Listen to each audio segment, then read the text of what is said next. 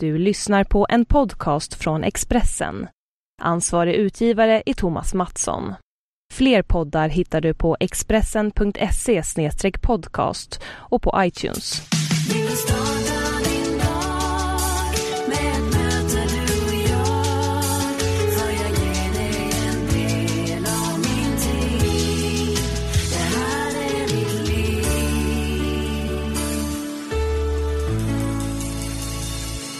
Varmt, varmt välkommen till det hundrade avsnittet av Livshjulet. Det är fantastiskt att få säga just de här orden och att ni som lyssnar verkligen bara blir fler och fler. Jag heter Anna Hegerstrand och i den här podcasten intervjuar jag kända profiler om deras livshjul. Vi avslutar alltid intervjun med att sätta betyg på livshjulets åtta tårtbitar. Och det var länge sedan jag rabblade upp dem nu, men de är alltså 1. Kärlek, 2. Familj och vänner, 3. Bostad, 4. Jobb och karriär, 5. Ekonomi, 6. Hälsa, kost och motion, 7. Fritid och 8. Personlig utveckling. Innan jag presenterar min gäst så vill jag berätta att det finns väldigt många sätt att lyssna på livshjulet på. Jag finns på iTunes, Acast och på Expressen.se. Och jag pushar såklart för alla nya avsnitt på min blogg på Expressen.se Anna Hegerstrand och på min Instagram där jag heter att Hegerstrand. Dagens gäst det är en kvinna som i år firar 30 år som artist. Det är Nanny Grönvall som gästar det hundrade avsnittet och berättar om sitt livshjul. Så som det ser ut just här och nu. Varsågoda. Nästan man hade velat haft pinnen så för nästan så att titta vindturet när jag tittar Ja jag vet så satt Jonas och jag och tittade så, så här. Ja så där gör jag också, jag vinklar lite så. Så här funkar det va? Det blir så, så när jag är längre än dig också, det blir så här, jag får titta ner och du får titta upp. Jag är van, jag får alltid titta upp. Ja, men du har ofta klackar också.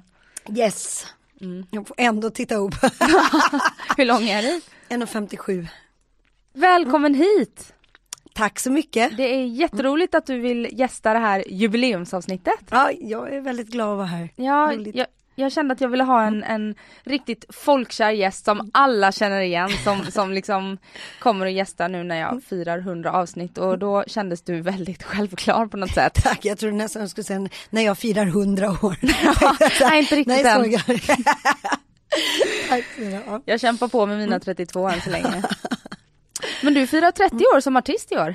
Ja, det gör jag. I eh, slutet på året blir det, då det första, släppte vi första singeln med eh, gruppen Sound of Music.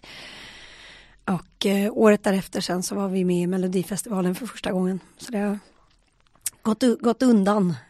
Det hade jag aldrig vågat trott då när det begav sig. Nej, för jag lyssnade på ditt eh, vinterprat här nu i, mm. igår, mm. så att jag gjorde det och då berättade du om er manager då mm. som, eh, som ville satsa på Sound of Music men inte om du var med, var det så? Nej, eh, det här var efter eh, Sound of Music, eh, efter eh, Sound of Music så hade vi en, eh, en grupp eh, som hette St. Peaches Popsgård, men däremellan så att när vi la ner Sound of Music så jobbade Peter och jag vidare och så höll vi på med en ny gruppkonstellation. Eh, men sen efter ett tag så sa managern som vi hade då just att, och han sa inte, alltså han sa verkligen inte det här i ett elakt syfte utan han sa varför han kände att han inte, eh, varför han hade svårt att jobba ut det här och det var just därför att responsen ifrån andra eh, bolag var att aj var det hon som blev kvar den här lilla fula ifrån Sound of Music? Ja nej det kan vi inte jobba med. Så att eh, där redan där så fick jag ju på något sätt och jag hade ju redan eh, fick ju lära mig ganska tidigt att det var, hängde väldigt mycket på utseende och att, att jag inte kanske riktigt hörde in där. Så att mot alla odds så står jag väl fortfarande här då 30 år senare i en bransch eh, där man men, men samtidigt är ju så här livet ser ut. Jag tror att väldigt, väldigt många överhuvudtaget eh, yrken eller eh, vi blir bedömda utifrån våra utseenden väldigt mycket. Utseenden, kläder och, och så vidare. Men kanske just framförallt i musikbranschen eftersom det hänger mycket på bilder, det hänger mycket på videos. Och eh, idag är det eh, det, det, har nog alltid var, eller har varit väldigt mycket stereotypt vad det gäller kvinnor just i branschen att hur du ska se ut och, och eh, men det är på väg att förändras och det tycker jag är bra för vi behöver mångfalden både inom musik och, och överhuvudtaget vare sig eh, kort korta, långa, eh, smala, kraftiga, eh, fotomodellsnygga, eh, mindre estetiskt vackra men som ändå har något. Jag samlar ju på troll för jag brukar säga att det är trollen är för mig synonymt med det här skönhet. Vi förväntas ofta se ut utifrån perfektion. Vi lever idag i ett samhälle där det nästan är högre krav än någonsin på eh, hur vi ska se perfekta ut. Och det fick jag lära mig efter avundsjuk framförallt. För det var väldigt många som kom fram och sa att åh den här låten betyder så mycket. Jag känner, jag känner precis så här och, och och, jag är inget vacker och tittar på de här människorna och tänkte att herregud du är ju superfin. Och då kände jag just att i och med det här, jag var inne i en affär och såg en massa troll som stod där. Uh, inte riktiga då kan jag säga. Nej jag bara skojar. Fula människor alltså. Nej men, nej, nej, men så, söta troll. Och, och då såg jag att de, de är korta, de, de, är liksom, de kan ha kalasmage, de har stora öron, stora näsor. Det är eh, så långt ifrån de här fotomodellidealen och ändå är de så vackra. Och det tror jag att vi behöver lära oss mer utav att alla har någonting vackert. Alla har verkligen någonting vackert. Och det gäller bara att vi lär att se och inte döma så lätt utifrån. Utan det blev väldigt långt svar på ditt men jag känner att det här är ett ämne som berör mig väldigt mycket. Just därför att det här med skönhet och eh, ideal. Ehm, jag tror att vi behöver i dagens samhälle verkligen lära oss att ha att ha mer distans till det. Att vi dras till vackra, vare sig saker, det kan vara miljöer, det kan vara hur mat läggs upp på ett fat, det kan vara kläder och utseenden också, absolut. Men vi måste också bejaka mångfalden, att det finns så mycket vackert hos alla på något sätt. Ja men jag tänker så här, för jag menar du är ju ingen ful människa mm. och du, du stämmer ju in på de här idealen ganska mycket. Du är liten, petit, långt blont hår. Alltså jag har ju aldrig, när jag lyssnar på det här vinterpratet, för jag har aldrig liksom hör, hört någonting Nej. om att du skulle vara en ful mm. artist, förstår mm. du vad jag menar?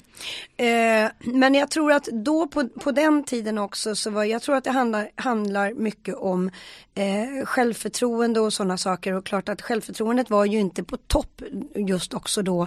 Eh, Därför att redan under Sound of Music-tiden kände jag mig ofta väldigt osäker. Jag, jag, jag, hade svårt för fotograferingar för jag kände mig aldrig riktigt fin.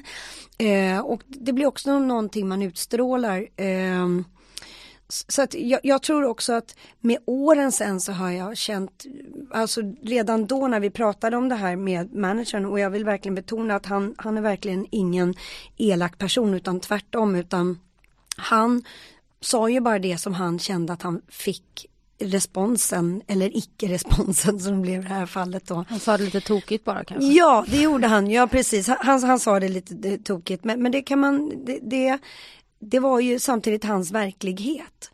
Um, det som var fantastiskt var ju att Peter inte backade upp och kanske vi ska förtydliga då att just som sagt var att när den våran dåvarande manager som vi hade eh, sa just det att han hade svårt att få respons på oss eh, just därför att jag var frontfigur i det bandet som vi då hade satt ihop. Eh, och att han då hade vi en grupp som hette Sound of Music, eller eh, Peters Pop Squad.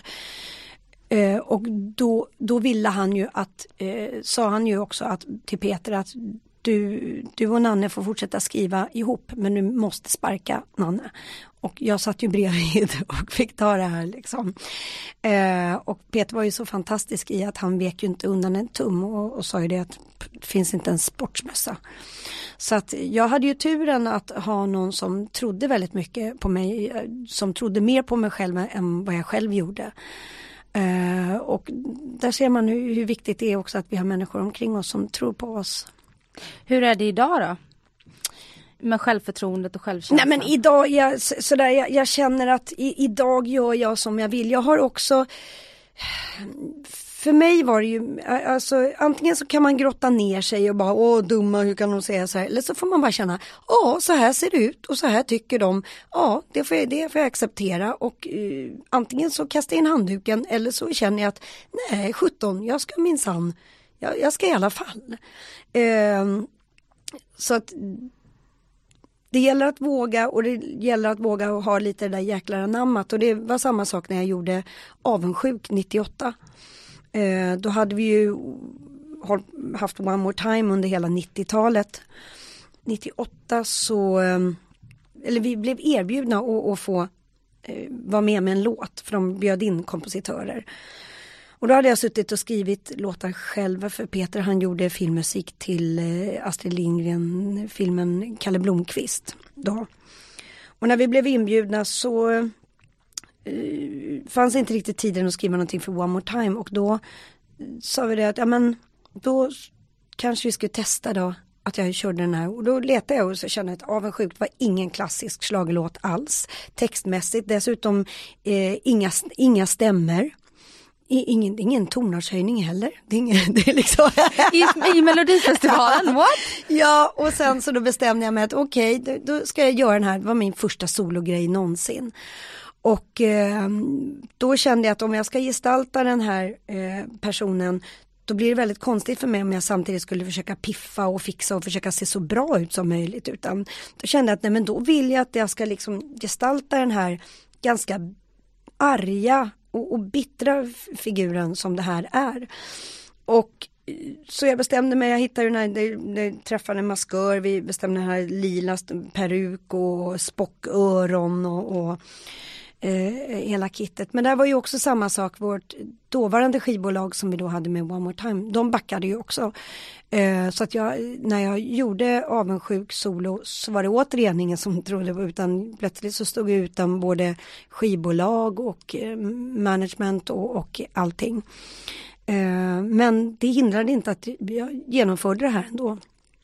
Och eh, sen hade jag bara turen att det gick så bra som det gjorde. Och inte bara tur kanske. Mm.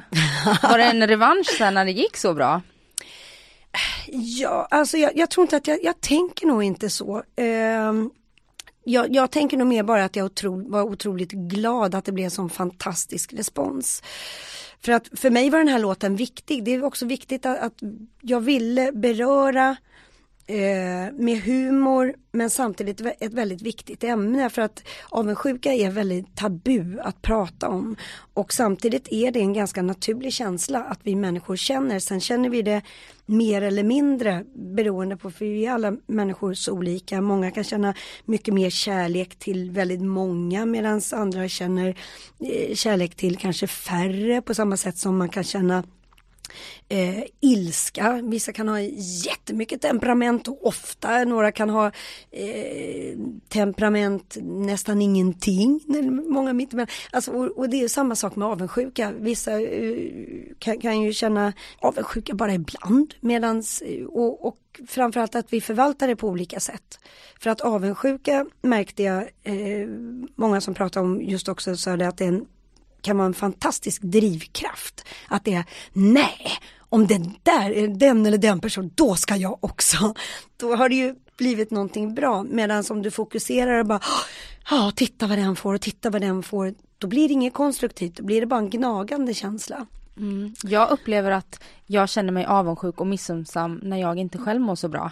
Att ja. det går i mm. vågor. När jag själv, när jag känner ett flow och det går bra för mig, då kan jag unna alla ja, att, det är, att det går bra för dem. Det är fullt naturligt. Det är full, och därför tycker jag det är en sån viktig eh, känsla att prata om de, de här tabukänslorna som det finns lite sku, skam, skuld och skam att känna eller tänka. Men det är precis som du säger, jag tror att det handlar väldigt mycket om att så länge vi själva har bra liv, då kan vi uh, unna andra saker också men om vi inte är lyckliga i vårt eget liv och det är ganska logiskt om man inte, själv inte mår bra och är lycklig inombords då är det ju väldigt svårt att känna åh vad roligt att det går bra för den och den där och där och, och kanske framförallt eh, till och med människor som man inte gillar så kan det vara va?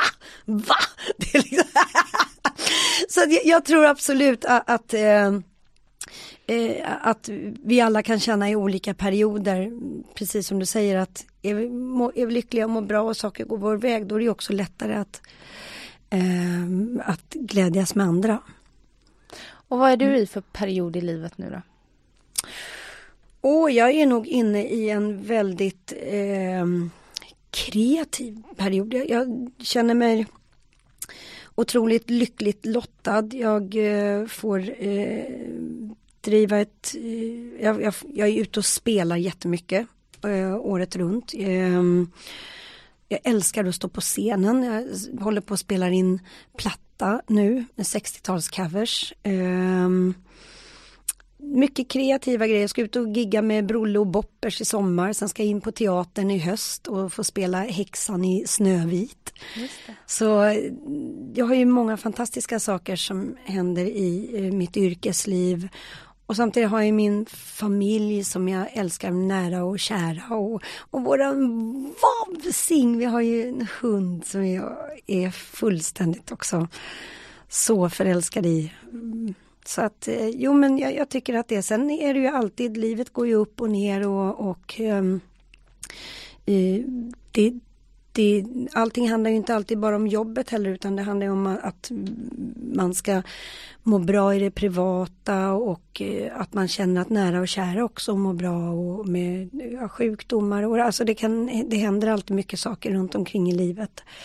Så att, men, men jag tycker att jag är inne i en eh, bra fas där jag just nu känner mig väldigt harmonisk.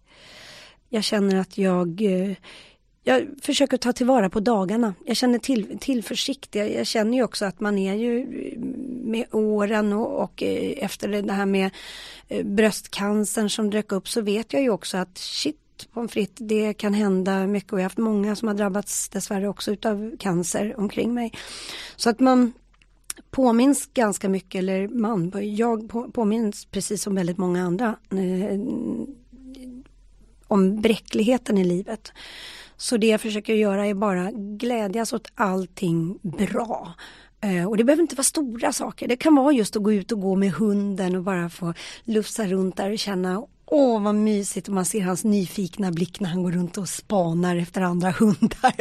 och då kan jag känna, åh det här är livet på en pinne, det är underbart.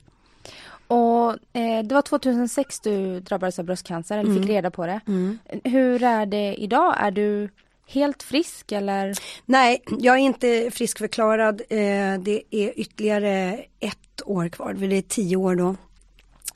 Eh, men det, det, är lite samma sak där att eh, det här med friskförklaring är ju jättebra men det innebär ju inte att man är garanterad eh, med, jag har haft bekanta omkring mig som också har drabbats av cancer och blivit eh, friskförklarade och sen har fått tillbaka det i alla fall.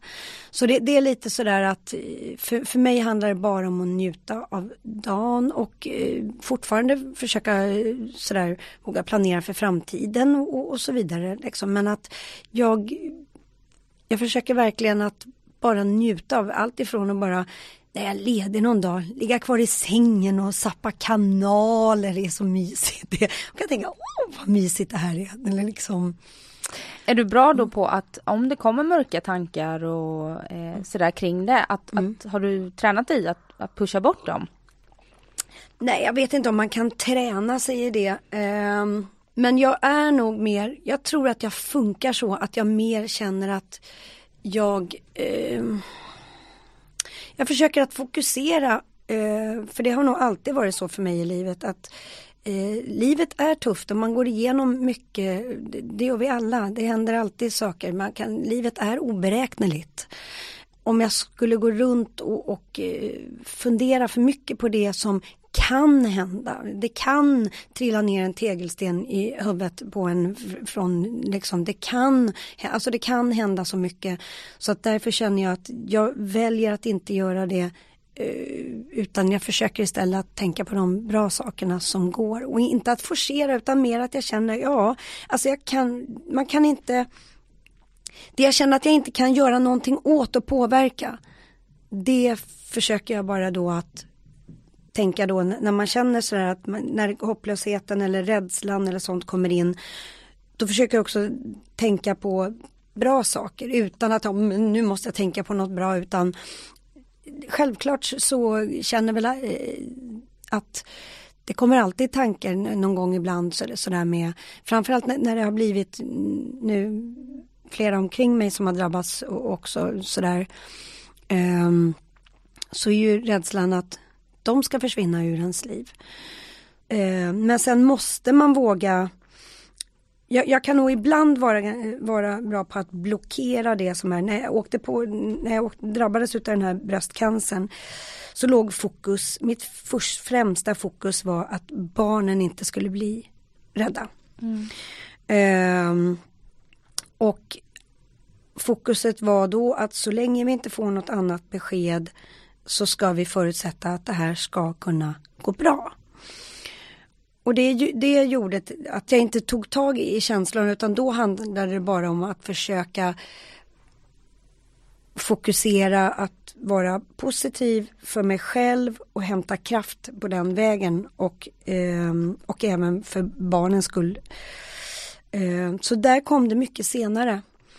Eh, jag vet jag gjorde en eh, det här Berg flyttar in med Carina Berg.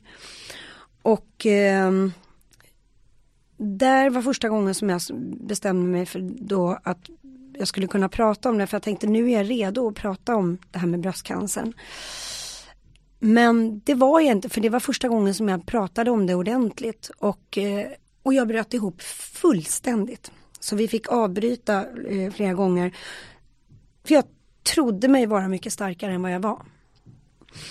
Och det var en väldigt nytt nyttig, eh, nyttigt wake-up call om man säger så för att plötsligt insåg att nu måste jag börja ta tag i det här, måste börja eh, sätta mig ner och känna den här rädslan. Jag måste våga känna mig den här eh, dödsångesten som man kunde få. Alla de här liksom okej, okay, hur, hur, går det med liksom barnen, hur är det praktiskt, hur är det liksom, alltså det, det händer så mycket i huvudet som jag då försökte åsidosätta just i, under den perioden när jag kände att nu vet man inte hur det här kommer gå så nu får jag bara förutsätta att det här kommer att funka.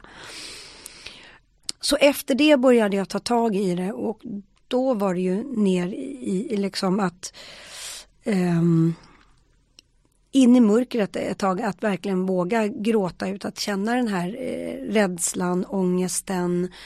Och sen efter det, då, det är liksom, då börjar jag successivt igen att ta mig upp. Och jag har ju, jag har ju den förmånen att jag får ha ett yrke som jag älskar. Och där jag får så otroligt mycket kärlek och omtanke. Jag får så mycket uppskattning utav människor. Um, och den ger ju väldigt mycket kraft. Och den omtanken jag fick under hela den här resan var ju fantastisk. Och det var, gav mig också väldigt mycket kraft att stå på scenen efteråt. Jag stod ju eh, på scenen en vecka efter eh, avslutad eh, strålningsbehandling redan och gjorde huvudrollen i Sweet Charity. Mm. Och det är klart att många tyckte nog säkert att det var helt hysteriskt att ska människan upp på scenen redan nu. Men det var mitt sätt för att tala om för min kropp att ja, nu är vi igång igen och då hade jag ju opererats, jag hade fått behandling, jag hade liksom kände att jag hade fått en ny chans i livet. Och för att förvalta den så, eh, det, det, så var det viktigt för mig mentalt att just tala om för min kropp att nu är vi, nu är vi igång och jobbar och nu är allting som vanligt. Eh, vilket ju inte var, men jag var tvungen att ta hela den här processen för att sen som sagt var och jag kan tänka när du står på scenen, när du jobbar då agerar ju du ut känslor. Mm. Så att det kanske är som att istället för att sitta hemma och gråta så agerar du ut och sätter igång lycko, eh, vad heter det, lyckosystemet och sådana saker ja, och adrenalin och sådär. Absolut, det gör man definitivt. Um, utan som sagt men det som jag insåg, ett, ja, det, var ju, det var ju säkert över ett år efteråt med allt det här. Uh, det var just då att jag kände att okej okay, jag insåg i, under den här inspelningen med Karina Berg där att nu måste jag ta tag i det här för då plötsligt så var jag tvungen att inse all den här eh, att den här duktiga eh, Nanne som ska orka var tvungen att kliva åt sidan och bara få våga rasa, våga gråta. Liksom. Däremot har jag, frågat, eh, jag frågade mig aldrig, jag har aldrig frågat mig själv varför just jag. Utan när jag fick, den, fick det här beskedet med bröstcancern så kände jag att ja, varför i det här, det är liksom det kändes aldrig som att åh vad orättvist, varför ska jag, utan det, jag kände att det här är ju en sjukdom som drabbar så många. Och det är förtvivlat, det, ehm, det är en kamp. Men ehm, som sagt, så att det, men jag känner idag bara tacksamheten och glädjen att jag får vara med och uppleva så mycket fortfarande. Vad är skillnaden på dig idag och innan du gick ner i det här mörkret? Fick du med dig någonting därifrån som, som har ändrat dig som person? Ja, det, det fick det. Eh, eh, det ena är att, eh, att kanske lära mig att, att jag inte måste vara stark och klara allt utan att kanske våga trilla igenom lite snabbare liksom. Eh, när, när det är situationer som dyker upp som blir ganska livsavgörande. Men också just den här eh, tacksamheten till eh, livet och eh, jag, jag, kan fortfarande sådär känna glädje när man sitter och kör bil och så ser man fullmånen på himlen och så känner jag bara wow, häftigt. Jag får fortfarande säga så att jag jag, men jag har i och för sig alltid, ända sedan jag var liten har jag alltid glatts åt även små saker. Det behöver inte vara något jättestort men jag tror att nu finns, nu är det ännu större för mig. Det är ännu eh, häftigare att få uppleva eh, uppleva livet och bra saker och så. Mm. Kan det ha med åldern också, att man blir mer tacksam med åren? Det upplever ju jag. Det tror jag absolut. Mm. Det är ju liksom eh, det, det, tror jag definitivt. Nu, jag menar, nu är jag ju 52, blir 53 bast. Det är um, uh, Ja, det, det är, jag, jag, jag tycker om att åldras. Jag tycker om det, jag tycker det är mysigt. Um, jag kan också känna att um, det är också samma sak, det är inte alla som får möjlighet att åldras. Så att jag känner också sådär att wow, det, det är häftigt. Det är härligt att höra dig säga det för jag pratar med, med flera kollegor mm. eh, i din bransch, mm. Pernilla Wahlgren till exempel, mm. eh, tycker inte alls det är kul att åldras. Hon säger det, nej det är inte så jävla kul, det måste jag vara ärlig med. Och, ah. och din bästis Anneli mm. Rydé mm. som var med här i för, ja snart ett år sedan tror jag. Mm. Hon tycker inte heller det är så kul. För hon ah. hade i och för sig ett jättejobbigt klimakterium. Så, så, men det är härligt att säga eller höra dig säga det i och med mm. att du eh, jobbar i en sån utseende och åldersfixerad mm. bransch. Mm. Ja, men jag, jag, känner att jag försöker istället ta tillvara nu då på eh, med åldern. Nu, nu, är jag ju då peppa peppa lyckligt lottad, det vill säga att jag har fortfarande så otroligt fullbokat med jobb. Eh, jag, så, vilket gör att jag får hålla på med det här jobbet som jag verkligen älskar. Eh, jag håller också på med management där jag i framtiden kommer att försöka satsa mer på att jobba med andra artister och, och upptäcka dem och, och, och eh, jobbar jobba även mot utlandet. Men det ligger ju längre i framtiden för det blev också någon sån här drastisk rubrik. Jag, jag fick någon intervju här för något eh, år sedan där det var så här, ja du ska sluta. Ja, ja, jag ska, sen blir det management. Men jag vill förtydliga att jag kommer alltså, det innebär inte att jag aldrig mer kommer ställa mig på scenen. Utan jag, kommer, jag kommer, kan inte låta bli att stå på scenen. Det är för mycket teaterapa i mig. Jag älskar att få sjunga och så vidare. Men periodvis så kommer jag ju att jobba eh, mycket mer med annat också. Den men, kommer jag ihåg den rubriken, Nanne mm, slutar som artist. Ja precis och, och, och, och det var en sån här, är det farvälturné för du åkte med Diggiloo där? Nej det är ingen farvälturné liksom. Men sen var jag nog också diffus i allt för jag blev lite överrumplad utav frågan och så blev man så ja jo och så fokus ja och så måste jag ju fokusera på det här med så att jag vill verkligen förtydliga att jag ska inte sluta och, och jag, jag, kände eh, sådär att ja men det här lägger sig, folk glömmer men det här har de inte glömt utan plötsligt så dyker det upp någon ny tidning och så skriver de igen och jag bara nej nej, så, så att nu vill jag passa på att säga det, nej jag ska inte sluta, men jag kommer periodvis absolut att jobba med andra saker också. Eh, och i, tidvis, tidvis, bitvis eh, jobba med som sagt var med fokus på andra prylar. Men att aldrig mer ställa mig på scenen eller sluta spela in plattor. Det kommer jag nog inte kunna för jag älskar att spela in skivor. Nu spelar jag in 60-tals coverplattan här med eh, under våren. Och sen så kommer det, det, det, poppar upp för mycket idéer hela tiden i mitt huvud för det. Jag förstår det, man behöver få utlopp för dem. Ja, ja, ja, det, det är liksom, ja, nej. Men jag, för du är ju förmodligen, när man pratar med alla, en av Sveriges absolut Eh, en, en av de artisterna som jobbar absolut hårdast tror jag. Typ du och Charlotte Perrelli. Ni jobbar jämt, det är så här, det klaffar, ja. det är som ett pussel liksom. Det ena jobbet avlöser varandra eh, det andra. Eh. Hur balanserar du upp det? Var, var hämtar du energi Tar du dig ledig tid? Ja, jag har blivit bättre på det. Eh, förr var jag fullständigt urusel på det. Jag kunde blocka upp och säga jag ska ha semester här och här och så fick jag någon gigförfrågan och så kunde jag tänka åh den där kunde ju vara roligt att göra. Ja, det kan jag väl skytta iväg och göra. Det är ju bara och sen så kunde man få ytterligare någon gig. För, ja, tänker jag, men, men ändå är där i, i Linköping ena dagen då kan jag ju lika gärna åka lite vidare dit ner till Jönköping nästa. Ja, nej men det kan och plötsligt så var alltid mina semestrar upphuggna. Eh, men det är också just därför att jag har ett jobb som jag älskar och tycker är roligt. Men eh, men det är jag bättre på nu att eh, sådär säga, nej men här ska jag vara ledig och vara tillsammans med nära och kära och, och så. Men det, det, är fortfarande som sagt, jag, jag håller ju verkligen på med ett jobb som jag tycker är så fantastiskt. Um, och då blir det så mycket kreativa känslor, som, eller mycket kreativitet jag vill få utlopp för. Men hur har det funkat? För du har eh, fyra barn. Mm. Eh, fyra, ja om man räknar Ripley, våran hund. Ja, tre barn och så ja. ja, ja, men fyra barn, fem om man räknar med din man. ja, just det, precis. Jag brukar i och för sig att säga att Ripley är våra fjärde barn. Att det, jag säger till honom när han kommer in på morgonen så brukar jag säga, är det mammas bebis som kommer säga? ja, då säger han ja. men hur har det funkat att vara liksom mamma till eh, många barn och jobba så pass mycket?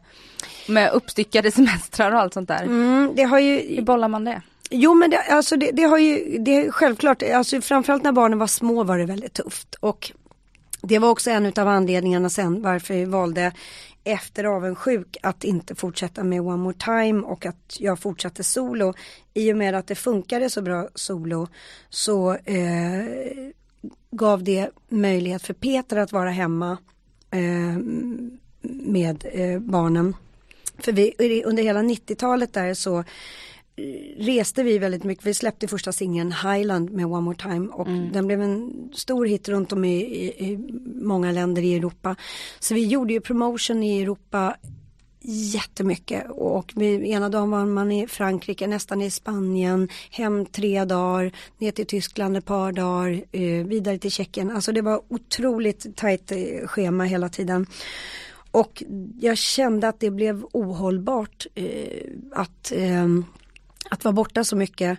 Nu hade vi eh, nära och kära som kunde vara med, med barnen. Men det var ju fortfarande längtan också att själv vara hemma där med dem. För att det kunde inte riktigt gå mammaledig så som jag hade velat och önskat. Eh, och jag kände till slut att när det blev så många år utav resor så eh, hade jag bestämt mig för att eh, sluta i One More Time och pratade med Peter och sa att jag, jag, det går inte, vi kan inte vara borta bägge, i och med att vi var borta bägge två också. Mm.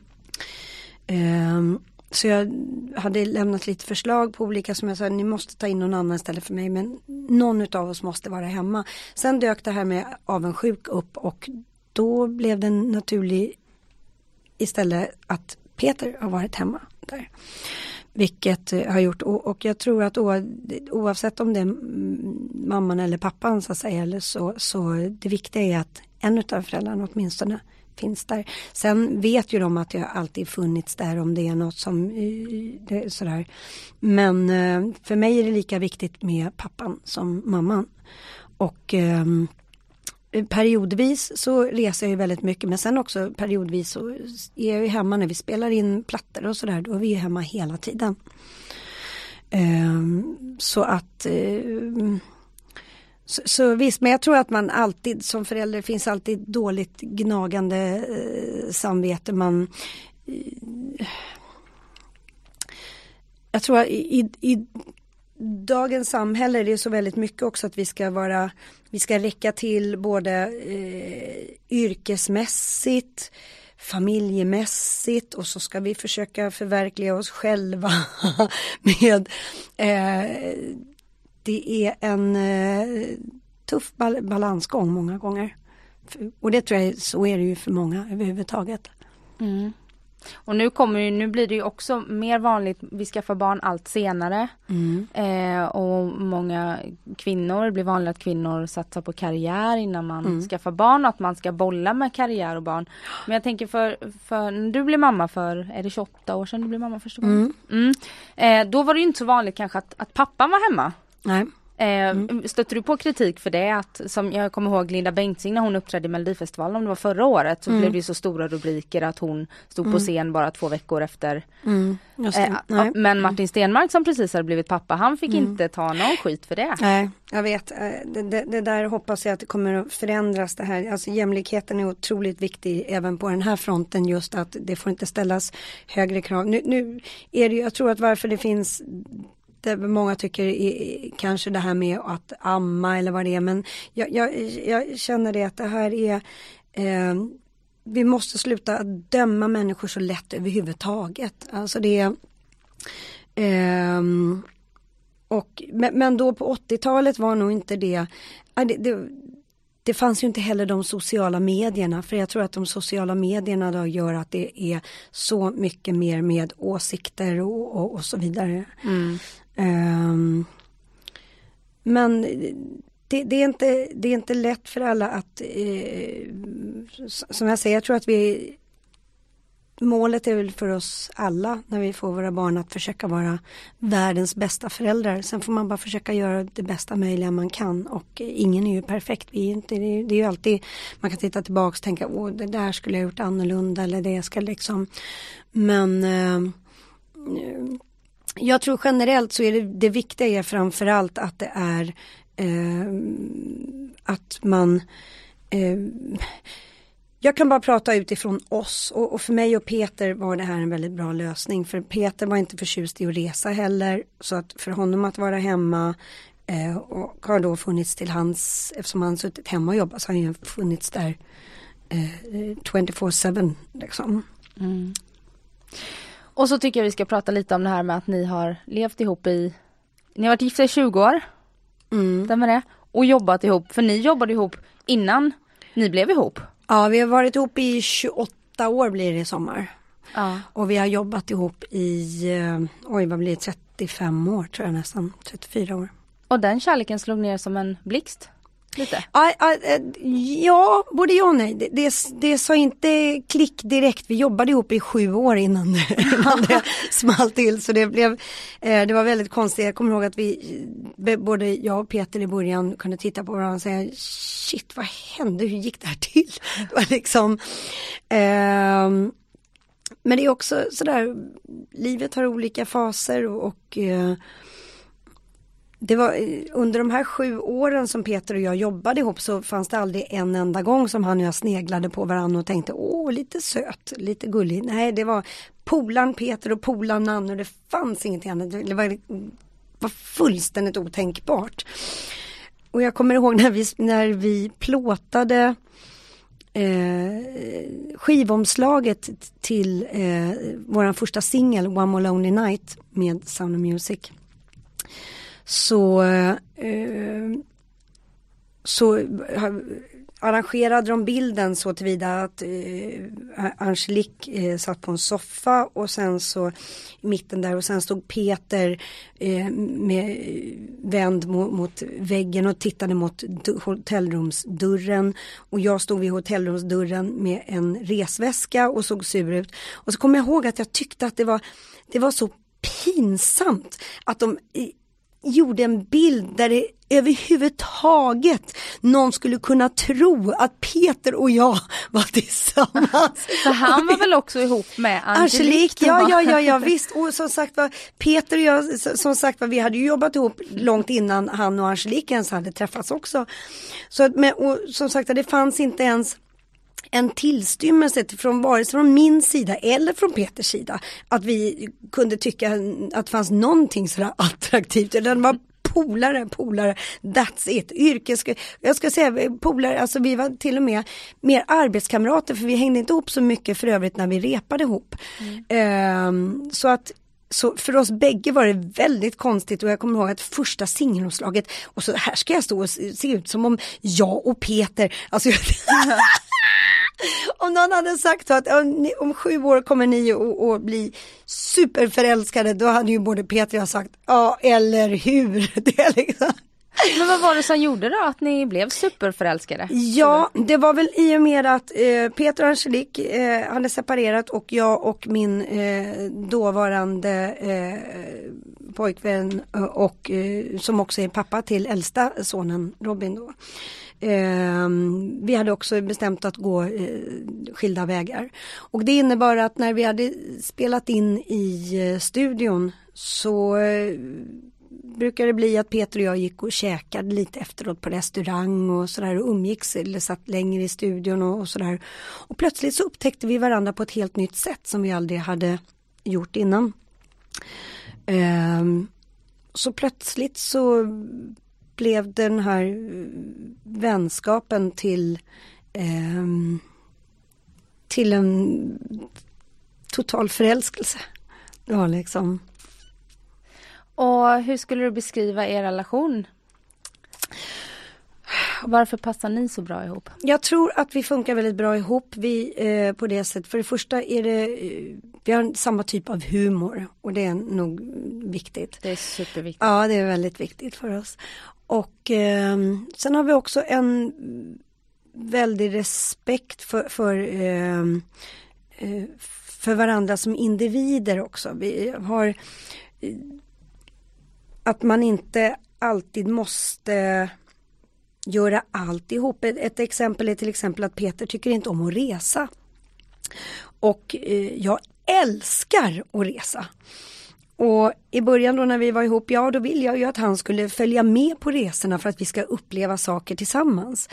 Och han blev jättestressad utav det för han är en hemmagubbe. Han tycker det är så mysigt. Eh, semester för honom det är att, att vara hemma. Och då blev det ofta att antingen så eh, följde han med på resor och så tyckte han att åh, han hade hellre velat vara hemma. Eller så blev det att jag stannade hemma också. Och då var det till slut att nej men vad sjutton då gör vi som så att han är hemma och jag reser och ibland så reser vi tillsammans. Kan, men ofta blir det sådär många gånger att jag reser helt själv. För jag älskar också att resa ensam. Jaha. Eh, så jag har varit i London själv, New York. Eh, mycket att jag åker och sitter och jobbar. För då får jag arbetsron att kunna sådär. Eh, så det, det och då, Lyxigt att sitta på ett café i New York och jobba. Ja, eh, på hotellrummet att jag får hämta inspiration och då tar jag med mig eh, om jag åker för att skriva låtar till exempel, då tar jag med mig synten. Jag var i Los Angeles till exempel och skrev mycket till min eh, förra platta och eh, då har jag med mig datorn, jag har med mig en, en liten synt i, i resväskan och en liten högtalare och allting. Så jag kopplar upp det på hotellrummet så sitter jag där och, och, skriver låtar och sen så går jag ut och promenerar lite och sen går jag tillbaks till hotellet och, och så att jag men så, så att vare sig jag reser själv eller ibland då kan resa tillsammans med eh, kompisar om det eh, men, men just de här bitarna där vi är ganska olika så bejakar vi det att det är liksom eh, samma sak om vi går på fest till exempel. Eh, Peter är inte eh, han, han kan vara med ett tag men sen brukar han ofta vilja åka hem ganska tidigt. Jag kan komma i, in i party mode. och då är det så här, nej, ska vi åka redan? Nej! Och första tiden när vi gick på fest tillsammans så, så kände vi också att jo men det är klart vi ska åka hem tillsammans. Och antingen så förhalade jag så han blev sur för han har fått vänta på mig i två och en halv timme extra. Mm. Eller så var jag sur för jag kände att vi, när vi äntligen kom ut på fest så var jag tvungen att följa med för att han inte ville vara kvar. Och till slut så eh, efter när vi hade haft några sådana tillfällen så när vi vaknade imorgon, vi var nog lite sura på varandra bägge två för att han hade fått vänta lite extra och jag tyckte ändå att jag hade fått åka hem för tidigt. Då sa jag det, men om vi ska få detta att funka förhoppningsvis på lifetime, då måste vi också bejaka våra olikheter och inte försöka att, eh, att, eh, att man tvingar in den andra i någonting som är. Så då bestämde vi det att nu gör vi så i fortsättningen att vi kan ju alltid höra med den andra om när vi vill åka hem eller om det men annars så den som vill åka hem åker hem, den som vill vara kvar får vara kvar och så är, är bägge nöjda. Så så gör vi nu och, och ibland är det till, nu är jag lite, börjar jag bli lite äldre och lite tröttare. Så nu, nu kan det faktiskt vara Peter som är i party. Sådär, han bara va? Nej, ska du åka redan? Åh, jag vet jag ska. Sådär, så ibland är det jag som åker hem tidigare. Men, och det är också väldigt skönt att vi är, är väldigt trygga i, i oss själva gentemot varandra. Så att vi ger varandra väldigt mycket space och det är jättehärligt. Ja, det är nog viktigt att man låter den andra personen vara som den är. Även om nej, det är svårt. Ja. Ja, nej, fast jag tror att Inte vi... Inte efter 20 år kanske? Nej, alltså jag tror att vi har, vi funkar nog så bägge två väldigt mycket att man försöker att eh, inte göra om varandra. Sen, sen är det klart att det alltid eh, första tida att eh, jämka eller rutiner eller så, men Eh, jag menar Peter är ju en av mina absolut bästa vänner i livet. Vi har ju gått igenom så mycket tillsammans. Vi känner varandra utan och innan. Liksom. Hur gör eh. man för att hålla igång eh, spänningen då? Finns det någon spänning kvar? ja, det beror på vad man tänker med, med, spänning. Det är klart att eh, det, man får, när man har varit ihop så länge så får man uppskatta eh, saker som det, att leva ihop så länge så går man ju igenom allt ifrån eh, vardagliga slentrianer till kriser. Eh, men när, när vi har gått igenom det då har det på något sätt stärkt oss ännu mer tillsammans. För att vi märker också att det finns ju någonting som gör att vi fortsätter och håller ihop. Och det är ju därför att vi eh, älskar varandra och vi trivs väldigt bra ihop. Vi trivs väldigt, väldigt bra ihop. Och eh, det är också sådär att ja, vill man ha spänning hela tiden och, och ska, då, då, då, jag tror att vi måste sänka kraven på att allting måste vara spännande ihop hela tiden. Mm. Utan eh, det som är spännande i början, eh, det är eh, det får man istället värdesätta det här tryggheten tillsammans. Att man har någon som man trivs ihop med, som man skrattar mycket ihop med. Eller att man, som sagt för oss är, är det att vi trivs så bra ihop. Mm. Jag har aldrig levt mm. med någon i 20 år. Jag har mm. precis liksom så passerat lite drygt ett år med min kille. Okay. Så jag är så här, vi måste hålla i spänningen. och han bara taggar ner. Så det är skönt att höra det. Att... Ja, jag, jag, tror att vi måste rucka lite på, på de sakerna och vi har ofta en tendens att snegla på andra sådär att, ah, hur är det eh, eh, hur lever de och hur, hur är det här och mm. hur många gånger i veckan ska man ha sex för att det ska vara, ja vad fan det, det är liksom, alltså vi måste gå, vi måste gå efter våra individuella, vad gör att vi trivs ihop? Vad, vad, är, vad är det som gör oss lyckliga ihop? Och inte hålla på, vänta hur har de det? Hur ofta grälar de? Hur ofta är det så här? Det handlar ju om den här perfekta, liksom ja, att man tittar på andra och utseende och, och relationer. Släpp det här per, perfekt krav och bara istället tänka wow, de här kvaliteterna är det är det något som jag känner att ja, det här tycker jag så mycket om hos den här personen. Då är det värt att satsa på. Mm. Och med de orden så ska vi gå över till eh, nästa del här. Eh, mm. Där vi ska sätta konkreta betyg på de åtta olika delarna i, i ditt livshjul. Oj. Konkreta betyg mm. på hur de känns just här och nu. Mm. Och vi börjar med kärlek och just din kärleksrelation till Peter just här mm. idag när vi står här.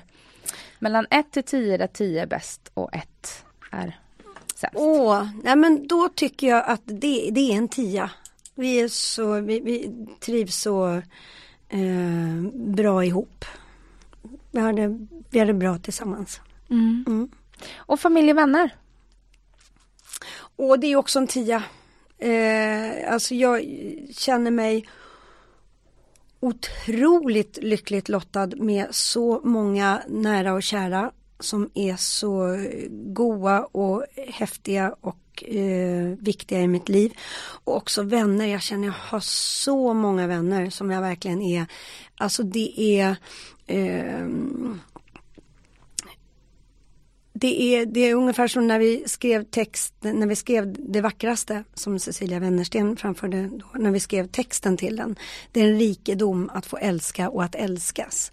Och det är verkligen så att få ha så många härliga vänner som jag känner att jag verkligen har. Det är en rikedom. Det är super, super häftigt. Då måste jag fråga när det kommer till tid och tiden du har att spendera med dina nära och kära. Är det också en tia?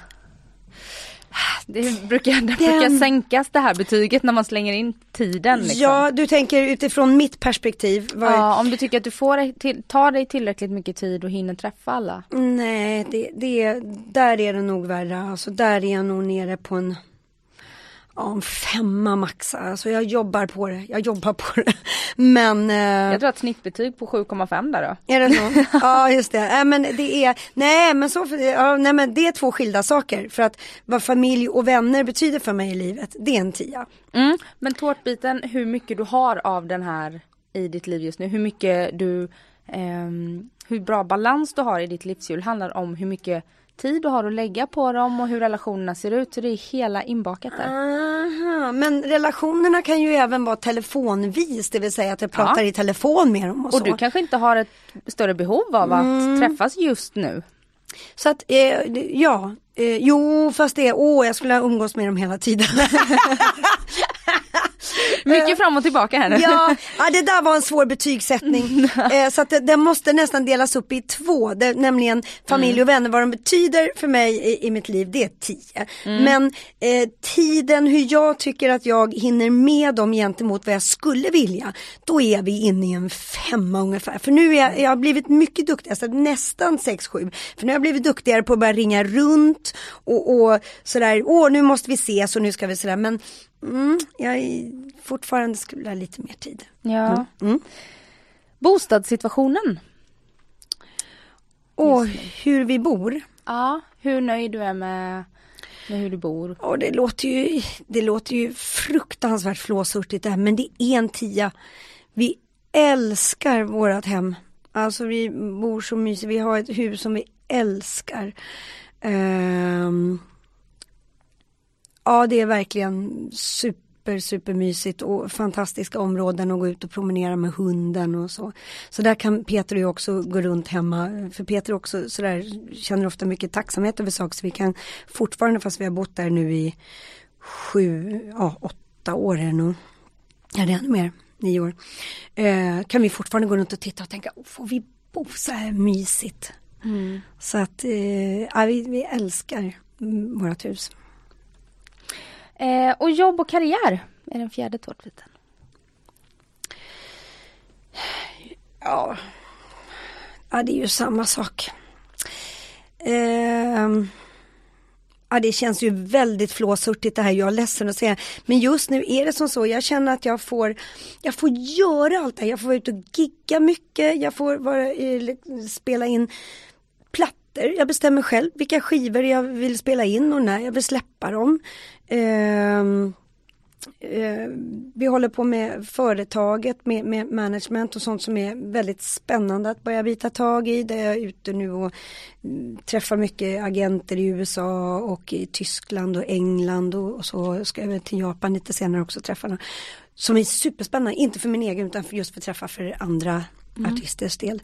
Så alltså det är ju jag, alltså jag måste ju sätta en tia där just därför att jag känner också att det är ju så här jag skulle önska att alla fick känna med sina jobb. Många går ju till sina jobb och känner att shit vad ska jag göra med mitt liv? Ska jag fortsätta med det här? Och vad ska jag liksom Så att för mig är det när jag eh, när vi var med i Melodifestivalen första gången 86 då jobbade jag som telefonist.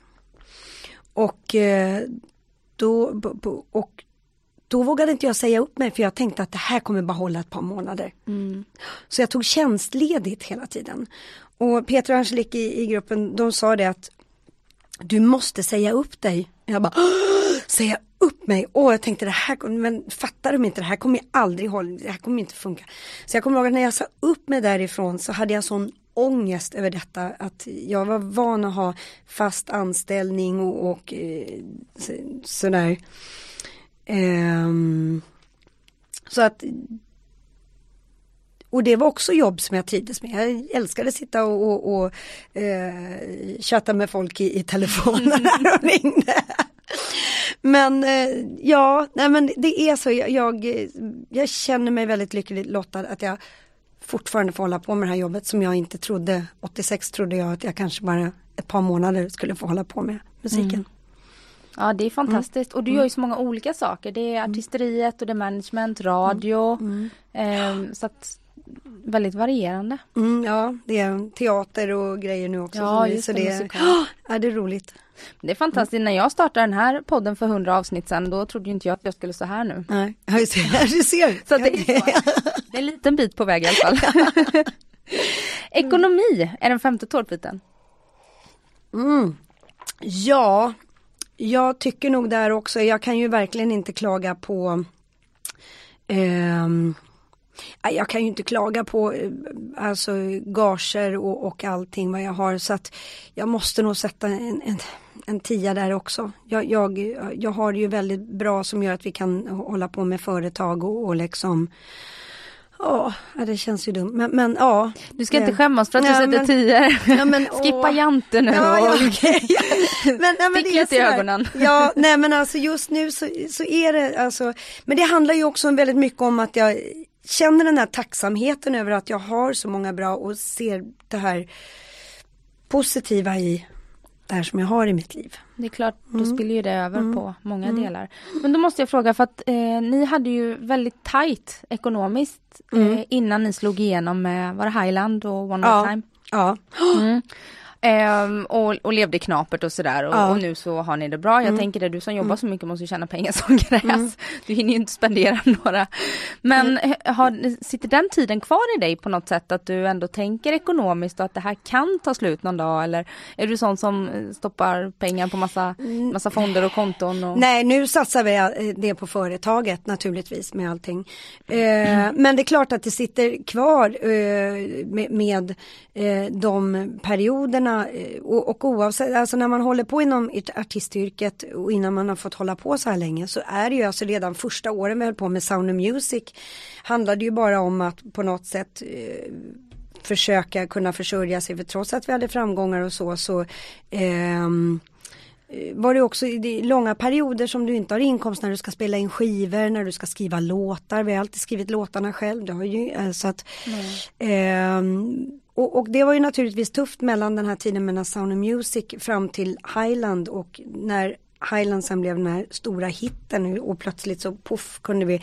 Men dessförinnan jäklar vad vi fick kämpa för att eh, för att eh, verkligen klara oss och, och, då gick jag ju tillbaks samtidigt som vi höll på att skriva låtar så gick jag ju tillbaks och jobbade som telefonist och Peter tog ju också jobb Eh, jobbade på kontor, han tog även städjobb på universitetet. Så att det var ju liksom eh, så att, att bita tag i eller att jobba att jobba oavsett om man jobbar hårt som artist eller man jobbar hårt med någonting annat är ju liksom ingenting som jag räds för.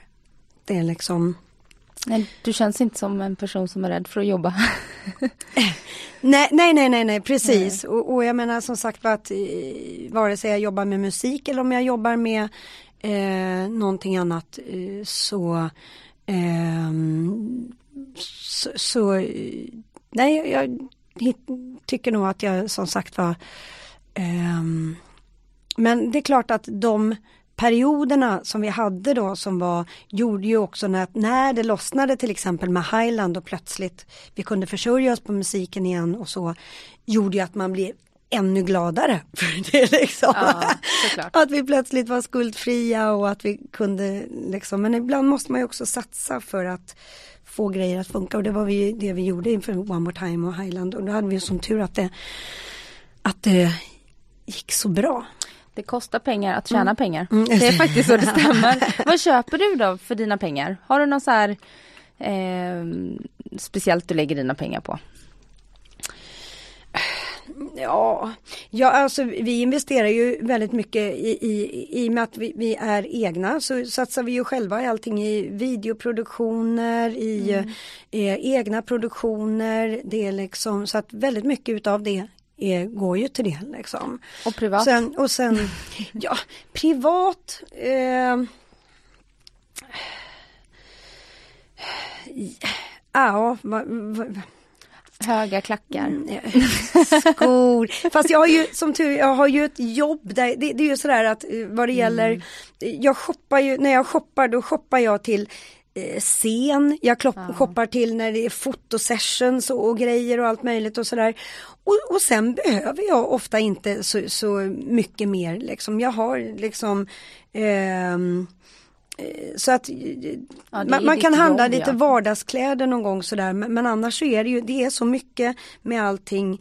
Eh, jobbet är ju väldigt mycket eh, eftersom det är som ofta nya scenproduktioner och grejer så är det mm. ofta mycket nya scenkläder och det är skor och jag gillar skor.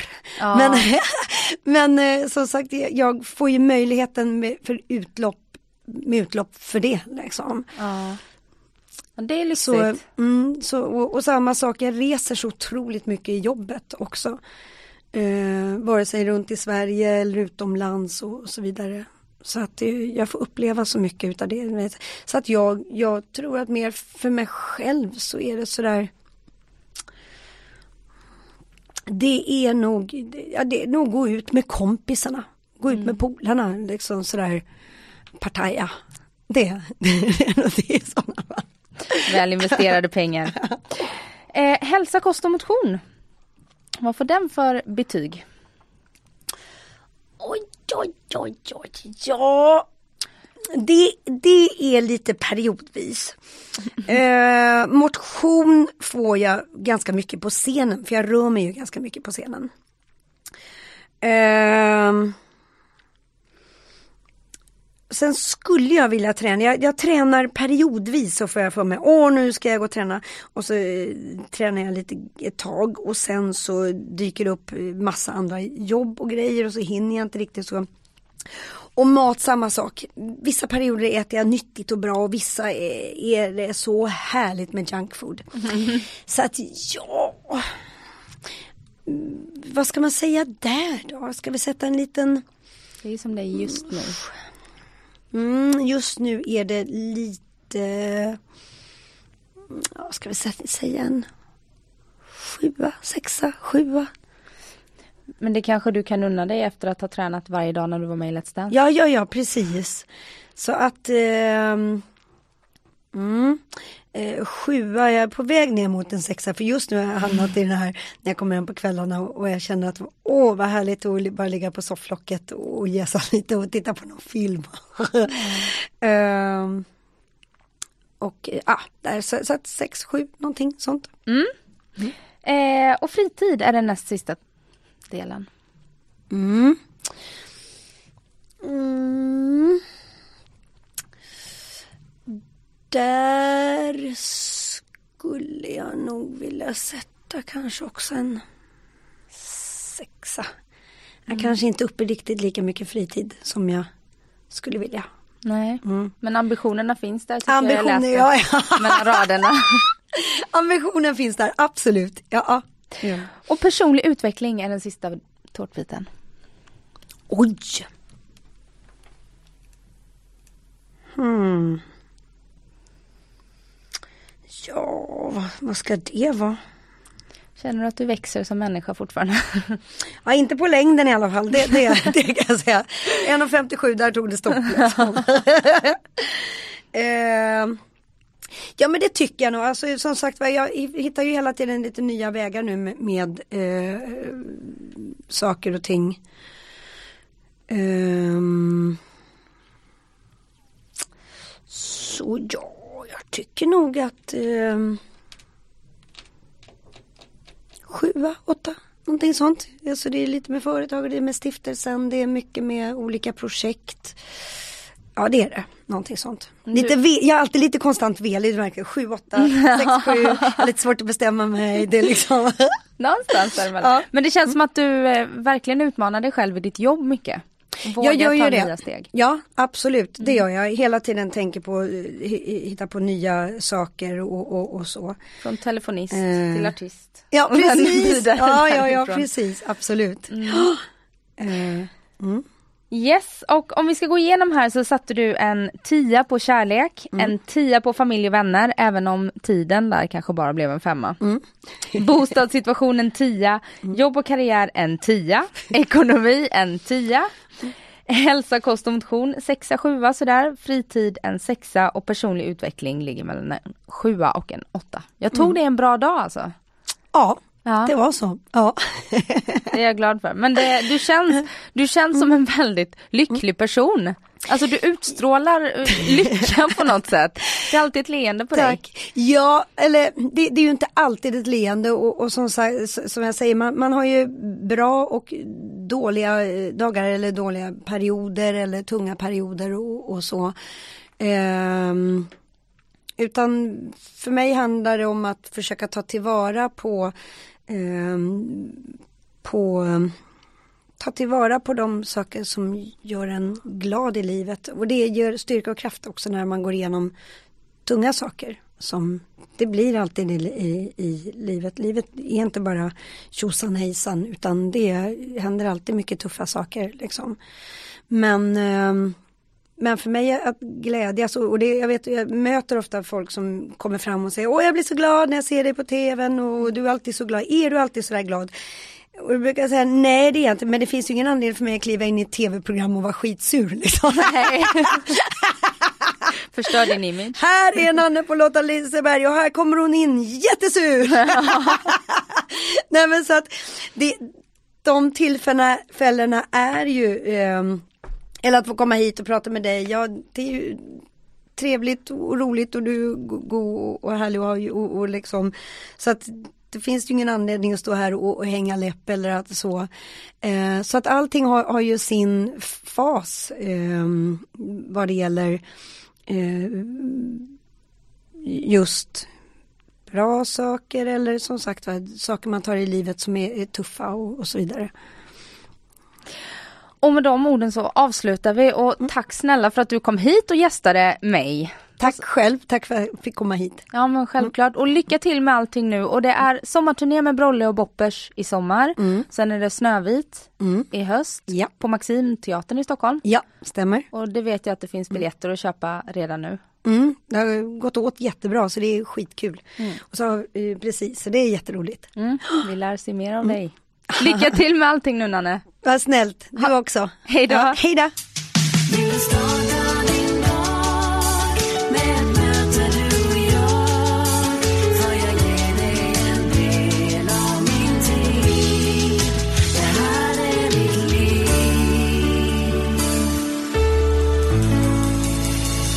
Du har lyssnat på en podcast från Expressen. Ansvarig utgivare är Thomas Mattsson. Fler poddar hittar du på expressen.se podcast och på iTunes.